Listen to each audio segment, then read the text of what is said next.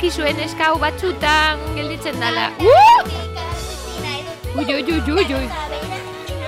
Ene bat da, kaixo, kaixo. Ze animatu etorri zaren. Bai. Guau, guau, guau. Animatua eta euskaratua. Euskaratua zer esan nahi du horrek? E, ba, ba, oso, oso eus, euskara, euskara pila bat, euskara, euskara. Ah, badakit zergatik esaten duzun hori. Zergatik. Ze korrika aurten ospatuko da, ez? 2008 lauan, bai, bai, bai.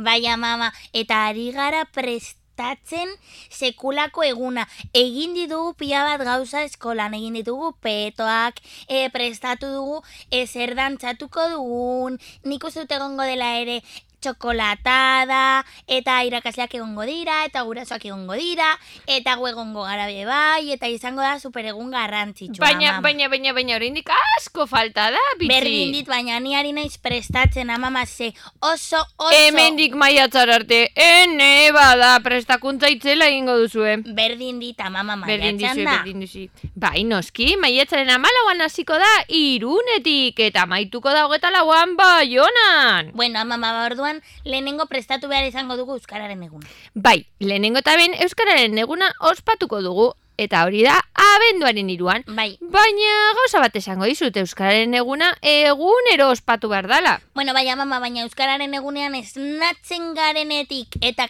txip, ohera berriro sartzen garen arte, euskera egin behar dugu euneko eunean, eta eta eta esango izu gauza bat, ametxetan ere euskera egin behar da Euskararen egunean. Eta zu normalean, ze hizkuntza ze amesten duzu ba?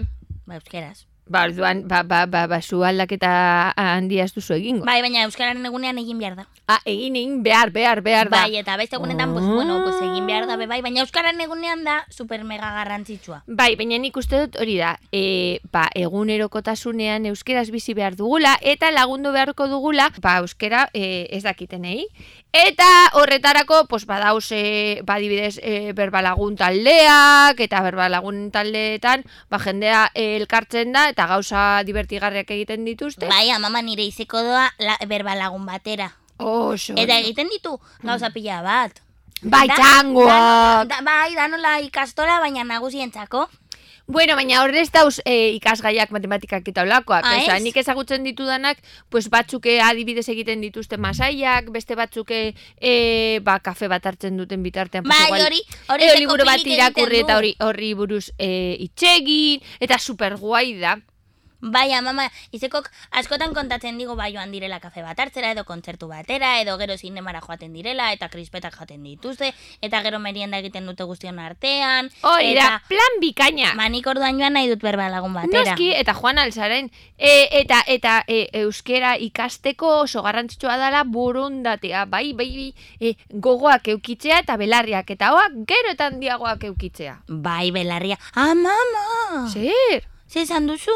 Ba, ba, euskera ikasteko, ba, gogoak euki behar dituzula eta belarriak eta hoak gero eta handiagoak euki beharko ditu. Belarriak eta hoak gero eta handiagoak hori puin bada, mama. Bai, eta, hori da ikarri dudana. gustatzen zait eta kontatu ziguten behin eta kontatuko diguzu. Bai, noski, bueno, ni kontatu beharrean ipiniko dut. Gaurko eguna, belarriak eta hoak gero eta handiagoak. Juhu! belarriak eta hoak gero eta handiagoak.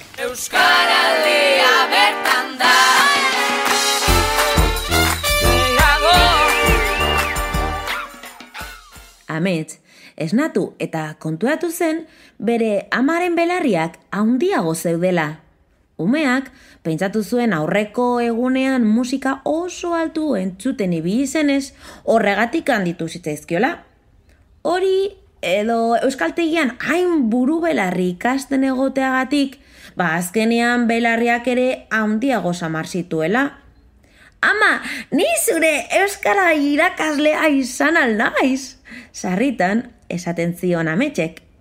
Hala ere, bere ama euskaraz hitz egiten saiatzen zen, baina beldurra ematen zion akatsak egitea eta alabari oker irakastea. Horrez gain, amorrua ematen zion berarekin hitz egiterakoan erdara jotzen zutenean. Osteguna zen, eta ostegunero bezala, goizeder bere izekorekin parkera joan zen. Mutikoak beste izeko eta osaba gehiago zituen, baina bere gogokoena izeko lur zen.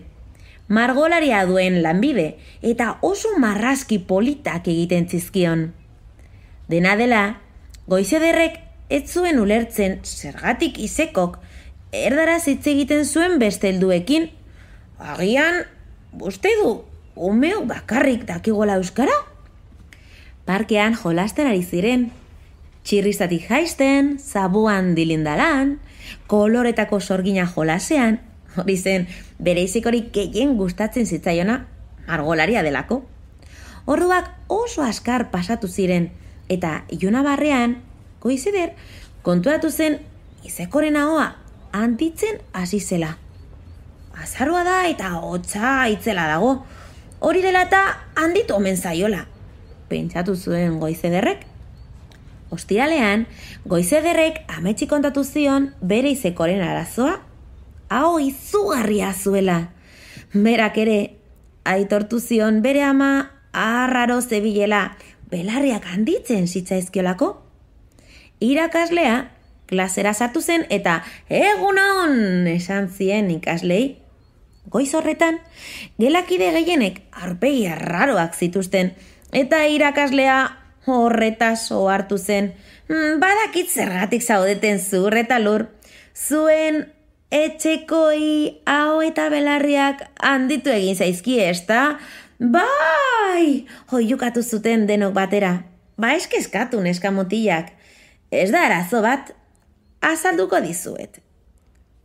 Gaur, ostialean, Euskaraldia hasiko da, eta amabost egunetan Euskara eta pertsonak izango dira protagonistak. Euskaral zer? Galdetu zion gelako batek. Euskaraldia, azaroaren hogeitik, abenduaren laura arte, pertsonek, txapa batzuk soinean eramango dituzte. Batzuk, hau bizi izango dira, eta besteak, belarri prest.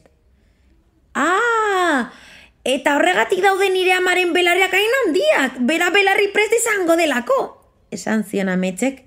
Hori da, belarri prest direnek euskara ulertzen dute, baina agian ez dakite ondo hitz egiten, zure ama bezala, euskaltegian ikasten ari dela, eta hau biziek zer egiten dute. Hau bizi direnak, naiz eta euskaraz jakin, askotan gaztelania saritzen dira, euskaraz dakitenekin. Ama bost, egun hauetan, euskaraz esan beharko dute bere lehenengo hitza. Mm, nola? Galdetu zion goizederrek. Badibidez, zure izeko badaki euskaraz, baina okindegira joaten zaretenean, zer esaten du? Una barra de pan, por favor. Ba hori ze? Ba orain, euskaraz eskatuko du, hogi barra bat mesedez. Ah, dos, ulertzen dugu. Elduek orduan euren artean eskaraz hitz dute, gurekin hitz egiten duten bezala. Eta hariguneak, zer dira? Bariguneak dira, espazio batzuk, non euskaraz hitz alden ulertuko dizutelako. Adibidez, dendak edo bulegoak. Haze ondo nire liburu denda gokenean arigunea kartel bat ikusi dut. Zer eskaraldiaren kanta etzun nahi duzue? Bai! Gehiago, gehiagorekin gehiagotan, prez alzara, esan, esan, ez esan ez dela posible, Euskaraldia bertan da. Euskaraldia bertan da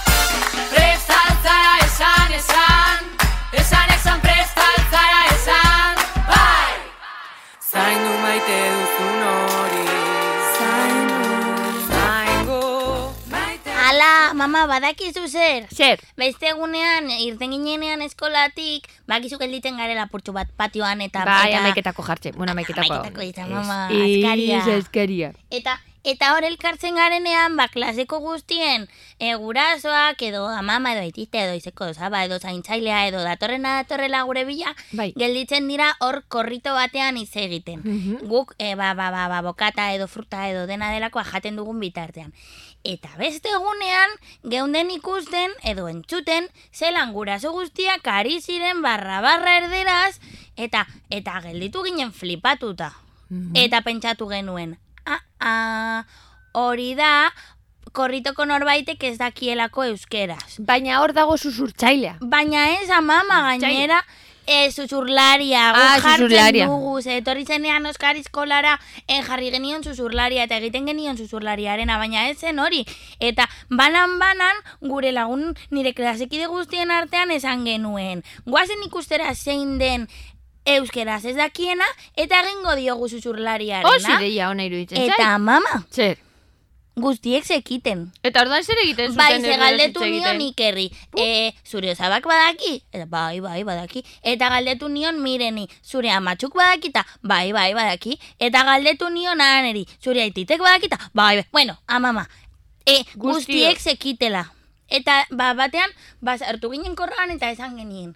Zergatik ari zarete gaztelaniaz, guzti, guztiek badakizue euskeraz egiten, eta Ai, txika, ba, pues, pues, pues, pues, ai, gauza hauek batzutan, eh, pues, hori, eta mama, esan zuten zela automatiko. No, automatikoa. Bai, amama, eta gero esan ziguten, ba, ba, zuk esan duzuna, borondatea euki behar dela, eta eta saiatu behar direla, e, ba, ba, ba, ba, ba automatiko, taktiko, ba, automatiko, tatzu, auto, bueno, hori, kentzen. Ba, badakizu zer, nire kuadrillan, bai, guatratzen garenean hortik, e, no, e, gutariko norbait ikasten baldin bada erderaz hitz egiten, beti dago nire laguna estibaliz, eta esaten du, rin, rin, euskeraz hitz egin, eta horrekin, ba, lortzen dugu e, Ama, erderara ez jotzea. ziguten patioan guri. Bai! Ai, amama, Ui, apur bat gaixori zauz, eh, maitia. bai izarriko mina daukatu. Oe, ne, bada, zaindu behar da. Igual Ez karamelitoren bat dekote gehiago. Tori, Ez que, egon karamelitoa. eskerik asko. Ez que egon garen ez hainbeste hitz egiten euskeraz. Ah, orduan mina deko zostarria. Bai. Bai, bai, eta gauza bat, etorri zaren kanta hori modernoa zein den? Jakin nahiko nukenik. Pintxo, pintxo. Ez, hori da ez, modernoa. etorri za... Na, ze, na, na, na, na, na, na, na, na, na, na, na, na, na, na, na. Eh? Ah! No, Bai, eh, amama da. Baina ez da, ez da modernoa da, Ah, ez nebeltzaren kanta bat. E- Ez nezer?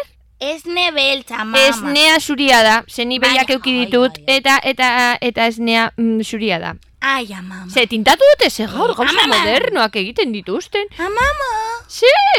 Da talde bat, musika talde bat. Ah, ba, modernoa da, ez dut ezagutzen. Bueno, zu baino modernoagoa ez da zaila. Oh, oh, esan duena. Ez amama, baina zu zara oso amama moderna. Ah, hori da. Bai. Ba, ba horregatik jakin nahi dut eh, zelan dena besti hori. Euskaraz bizi nahi dut. Horregatik nindorren kantatzen, baina Vale, gero zu eh, liatu nauzu eta eta eta hasi zara, hasi zara kesikorrika eta gero euskararen eguna, baina nik naiz nizun hitz egin horri. buruz. Hemen dago! Aina, Laguntzak, entzun nahi duzue? Baina mama, Zer? nik ez dut abestuko. Ez, bestela, eh, estarria okerrago jarriko zaiz. Entzungo dugu eta Entzun, listo. entzungo dugu eta ni apur bat eh, dantzatuko dut, ze gustatzen Oi, zait. oi, oi. Ea ba!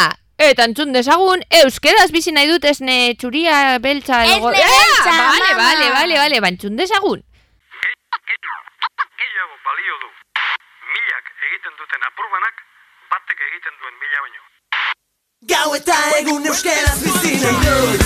Ta gauza bera egin dezakezu zuk. Euskaraz bizi nahi dut goizean goizik. Ez da amets bat nire nahi ala baizik. Etxean kalean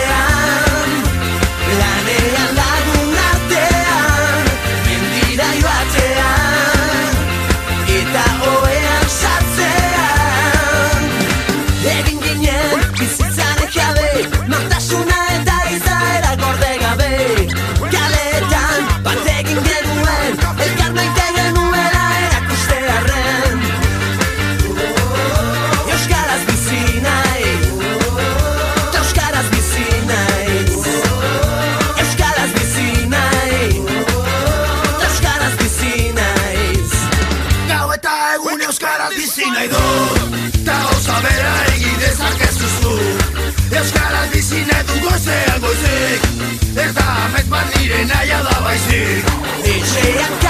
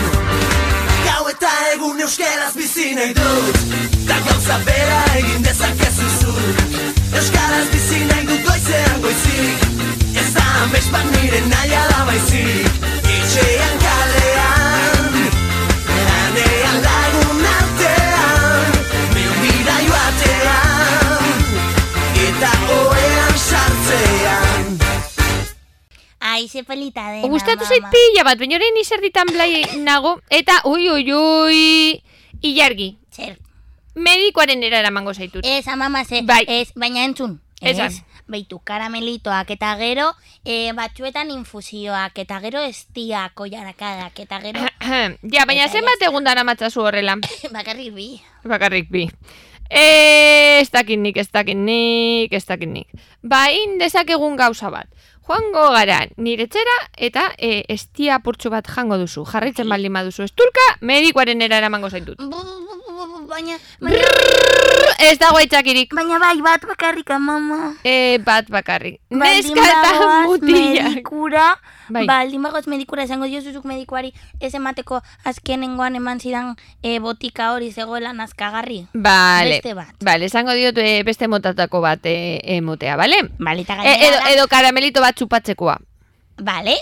Ederto laguntzak, ba, bagu, bagoaz, berazuek zaindu hotza e, eta e, hitz egin euskeraz eta bizi euskeraz gozatu euskera. Eta mestu euskera. Bai, bai, bai, agur laguntzak. Agur. Garai edo basua, redero trakets Ezka mutil guztiok abiltzago batez Errenka zein totelka, boker edo artez Jolasean behar dugu berdea gaitasunez Noski baiet,